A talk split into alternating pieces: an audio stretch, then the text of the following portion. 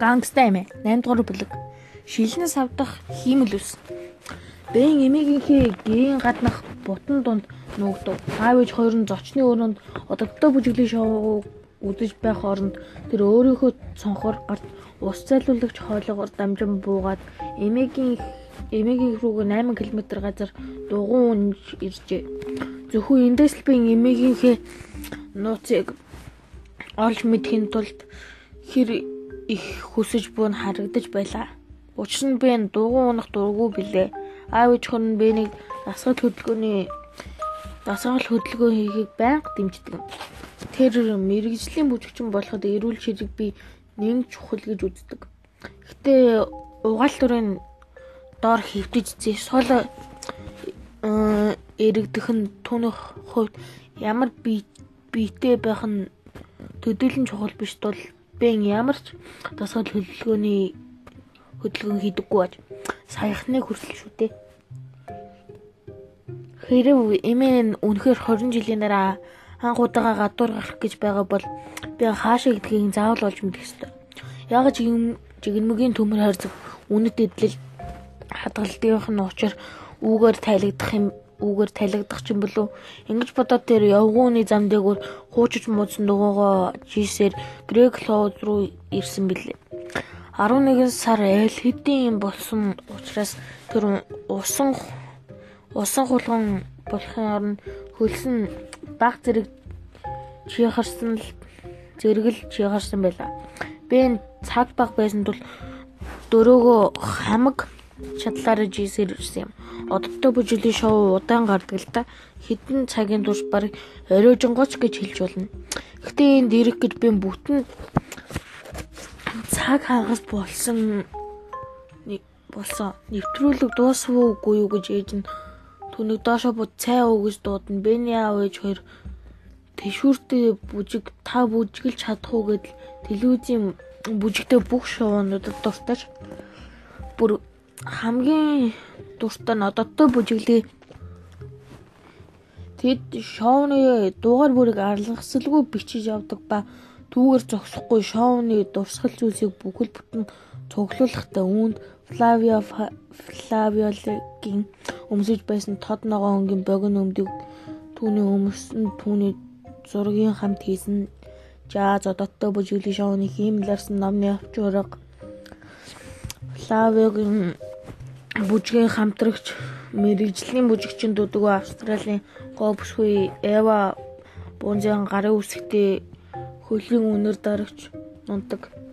Ододтой бүжиглийн шоунаас албан ёсоор гаргасан хөл дулаацуулагч шоуны үеэр ашигладаг баг бүх дууны CD шоуны хөтлөгч ноён Дирк Додеригийн зүүж байсан шилэн саван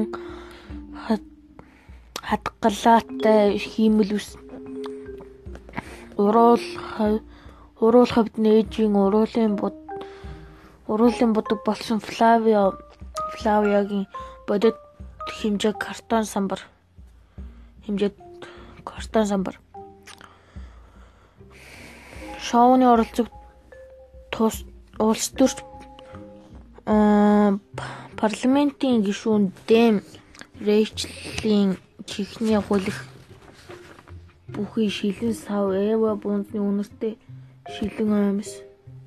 Шоуны шүүгч Зэвүүн Крэг Малт Малтсэр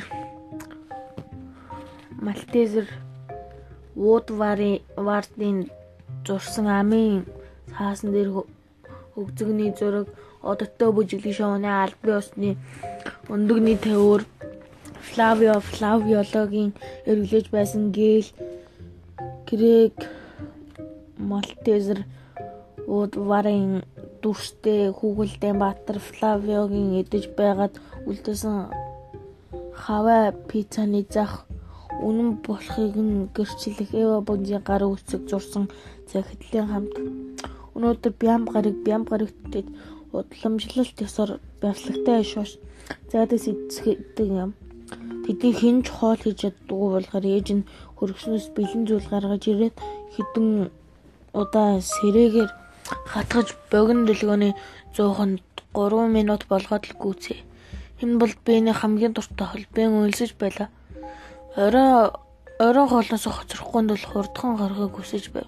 Хэрвээ даваа гараг байсан бол дахин махта лазанья, лав гарагт донор кебабта пицца, ям гарагт ёршин пудан бо будинг чоумен идэх байсан тул бэн хоолноос хоцорсон ч тоохгүй байх байсан л та.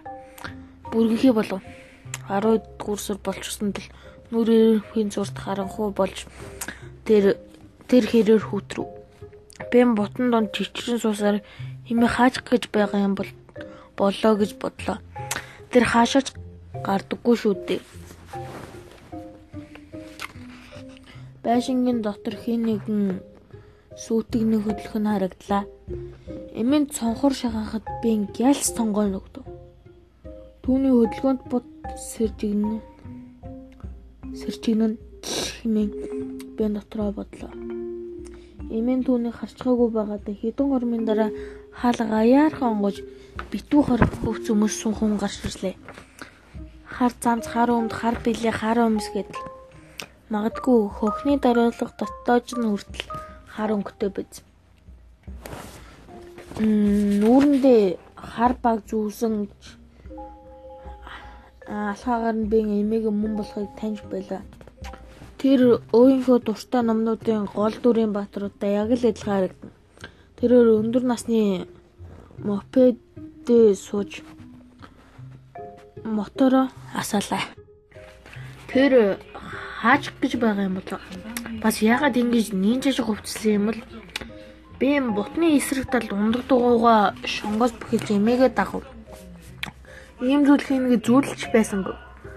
Аалц булан тохой ярмаг бараад нь нуугдаж явдаг шиг имэн байшингийн хандаган хин ч харагдахгүй хичээж байв. Бэйн түүнийг алдахгүй хүчин араас нь алхлаа. Мопедийн хурд 6 км цагаас хэтэрдэггүй болохоор түүнийг дагах нь тэнч хэцүү ажил биш. Эмэн зам хөндлөн гарч явснаа чимээ сонссон бол гинд эргэж харлаа. Би амжиж модны цаагуур нүгдэв. Амьсгалаа төгжин хэсэг дур чимээ чагналаа. Юу ч сонсогдсонгүй. Хэцэг азнаж байснаа модны цанаас шахаад имийн нуул зүр дээр яваа харагд. Тэр мөрдлгөө үргэлжлүүллээ. Удалгүйтэд хотын дээд зэрэглэлийн гудамжинд ирхэн дээр. Тэр хүн амтан амтан үзэхдэггүй хоосон зилүүд байв.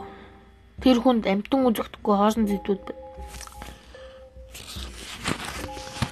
а дэлгүүрүүд хаасан боловч буурчин болон зоогийн газрууд хараахан нээгүй завсрын цаг тааржээ. Эмээ гудамжны гэдлээс аль болох зайлсхий явсаар зөрсөн газар ирсэн бололтой зогсов. Хаан зогсныг нь хараад би өөрөөхөө ирэхгүй өөрөө ирэхгүй дуудлаа. Үнэт дэлгэлийн дэлгүүр. Том цонхны цаана хүзүүний зүйл эм бугуун цагнууд гялтна ялалж нь мопедийн урд талын урд талын согсондоо шилэн савтай байцаатай шүл гаргахыг хараад бэмбэр гайхаж өрхөв. Эмээ нэргэн дээр наарснаа шавтай шүлээр цонх руу чулуутахаар далай далай шүү. Үгүй хэмээн би хашгирлаа.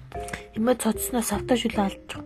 Сав нь хагарч чулуун чулуун зам дэгүүд байцааны шүлээ болслоо. Би чинд юу хийж байгаа юм бэ хэмээн эмээ хягтан асуулаа.